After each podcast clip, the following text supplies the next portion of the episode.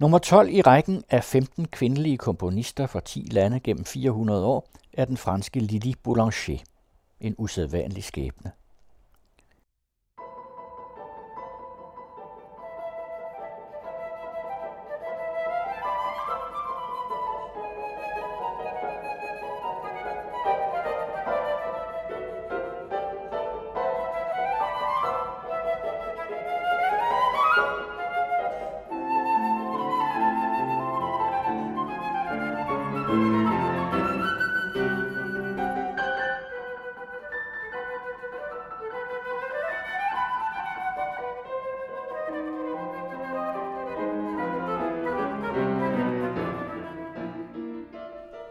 Boulanger er den med det korteste liv af de 15 kvindelige komponister fra 10 lande gennem 400 år.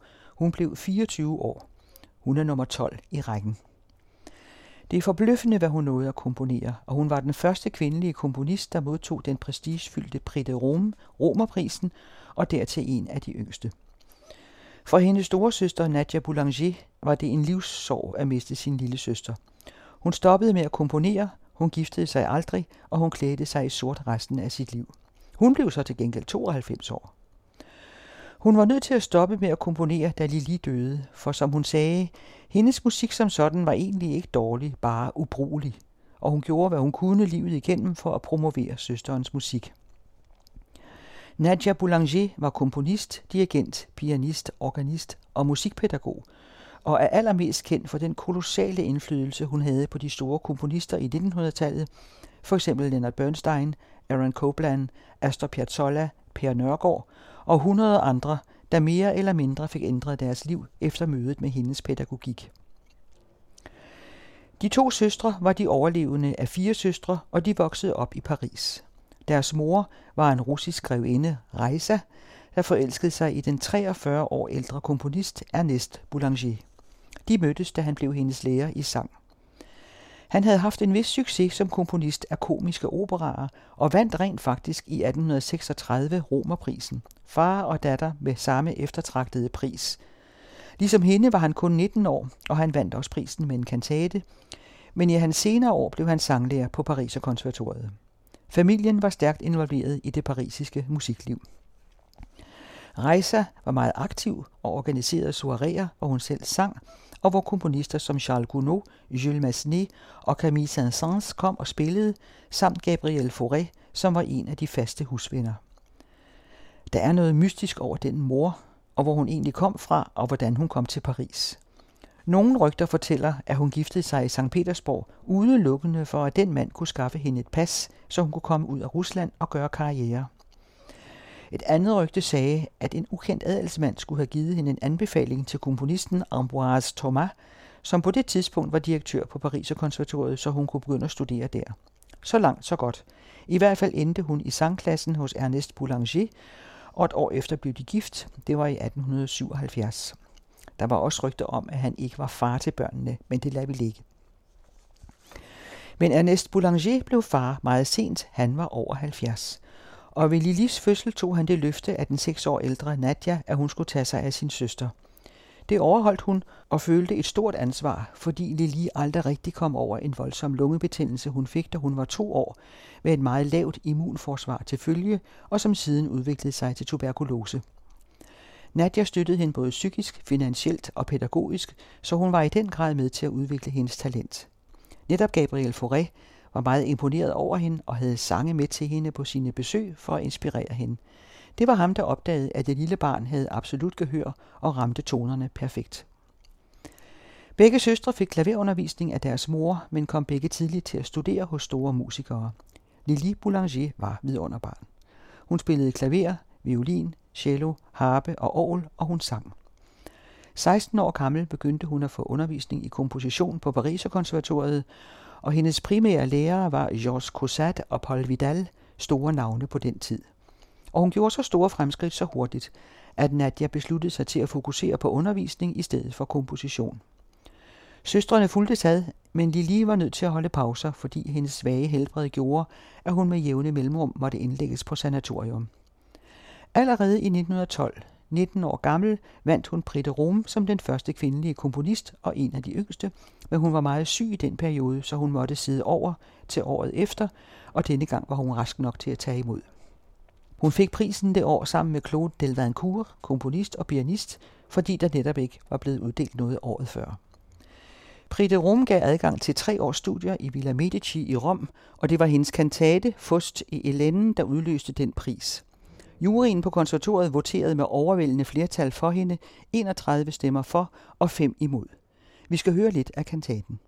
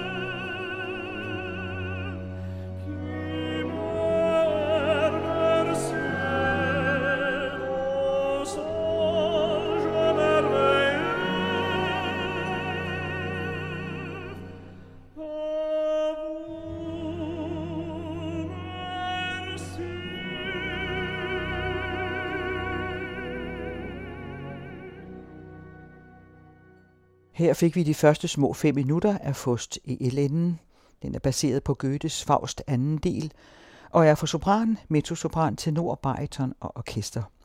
Her hørte vi BBC Filharmonikerne med Jan Pascal Tortelier og tenoren Bonaventura Botone og baritonen Jason Howard. Kantaten blev urført i 1913 på Théâtre du Châtelet og i øvrigt tilegnet hendes søster. Den fik mange opførelser i hendes levetid, og hun fik også en kontrakt med musikforlaget Ricordi. Pride Rom Rome er som sagt på tre års studier i Rom, og hun ankom i marts 1914. Hendes læger havde forsøgt at forhindre hende i at rejse, men det ville hun opleve.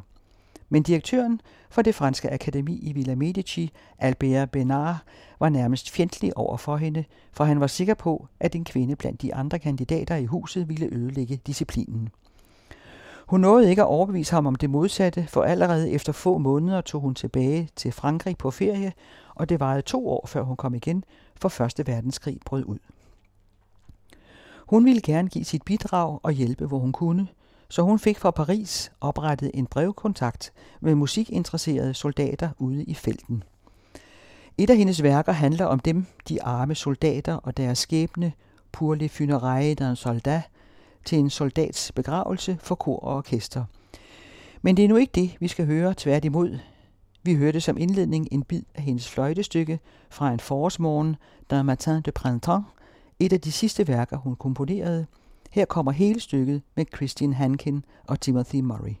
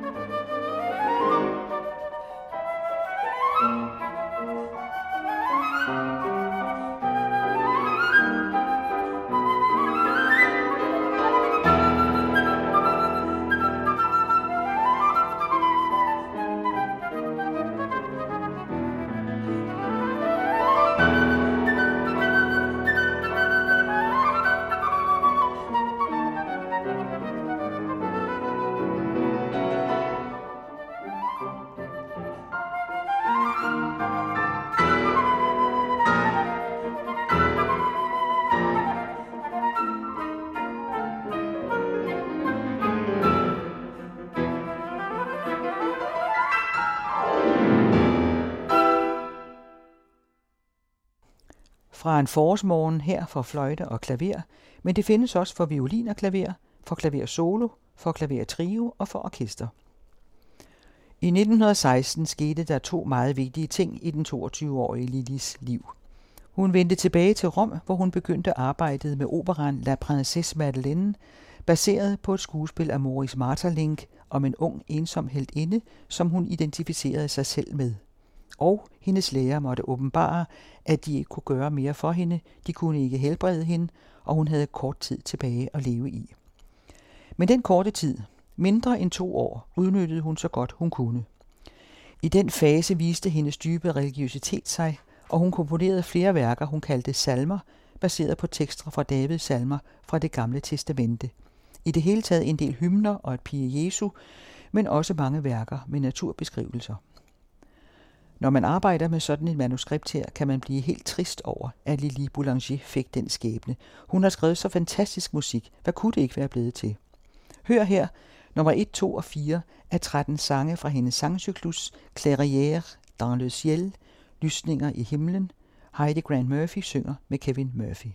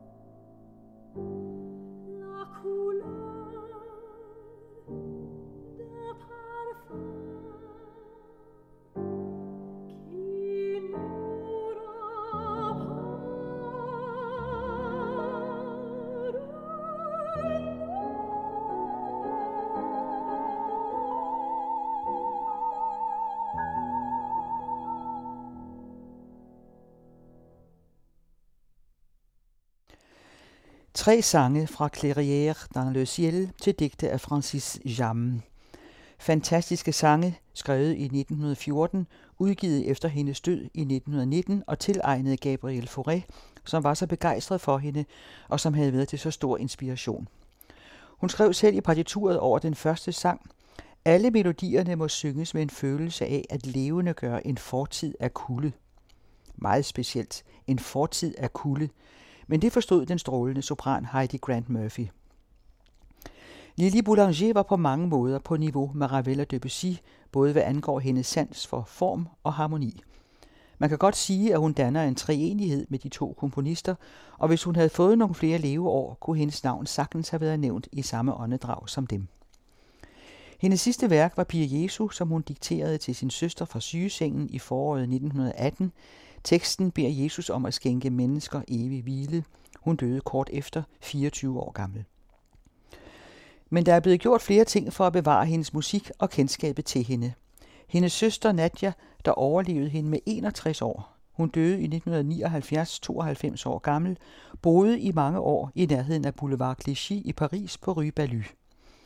1968 var 50-året for Lilis død, og Nadja overtalte kommunen til at ændre navnet på en del af gaden til Plads Lili Boulanger, og nummeret på ejendommen blev nummer 3. Der på fjerde sal levede og arbejdede Nadja det meste af sit liv, omgivet af møbler fra begyndelsen af 1900-tallet, som Memento Mori, en mindestue for hendes far og søster, men altså ikke for hendes mor, der var meget dominerende. Hun havde svært ved at acceptere Nadjas succes som pædagog, selv efter det var hende, der blev familieforsørgeren, og hun blev opsøgt af alverdens berømte komponister og dirigenter. Moren døde først i 1935, men alle fire er dog begravet det samme sted. I 1939 skabte Nadia Boulanger med hjælp fra amerikanske venner Lili Boulanger Memorial Fund. Den fond havde to formål. Dels at få evige hendes musik og mindet om hende, og dels at støtte talentfulde musikere økonomisk. Og i 1965 skabte søstrenes venner en forening, Nadia et Lili Boulanger Société, som siden i 2009 blev til Centre International Nadia et Lili Boulanger. Mere endnu, en asteroide, der blev opdaget i 1927, blev opkaldt efter hende og fik navnet Lilith. Asteroide 1181 Lilith. Her til sidst skal vi høre en anden side af hende, en nocturne for violin og klaver, og ellers har vi hørt tre andre værker af Lili Boulanger. Første del af kantaten Fust e Eletten med BBC Philharmonikerne, dirigeret af Jan Pascal Tortelier, med Bonaventura Botone og Jason Howard som solister. Der er Matin de Printemps for fløjte og klaver med Christine Hankin og Timothy Murray.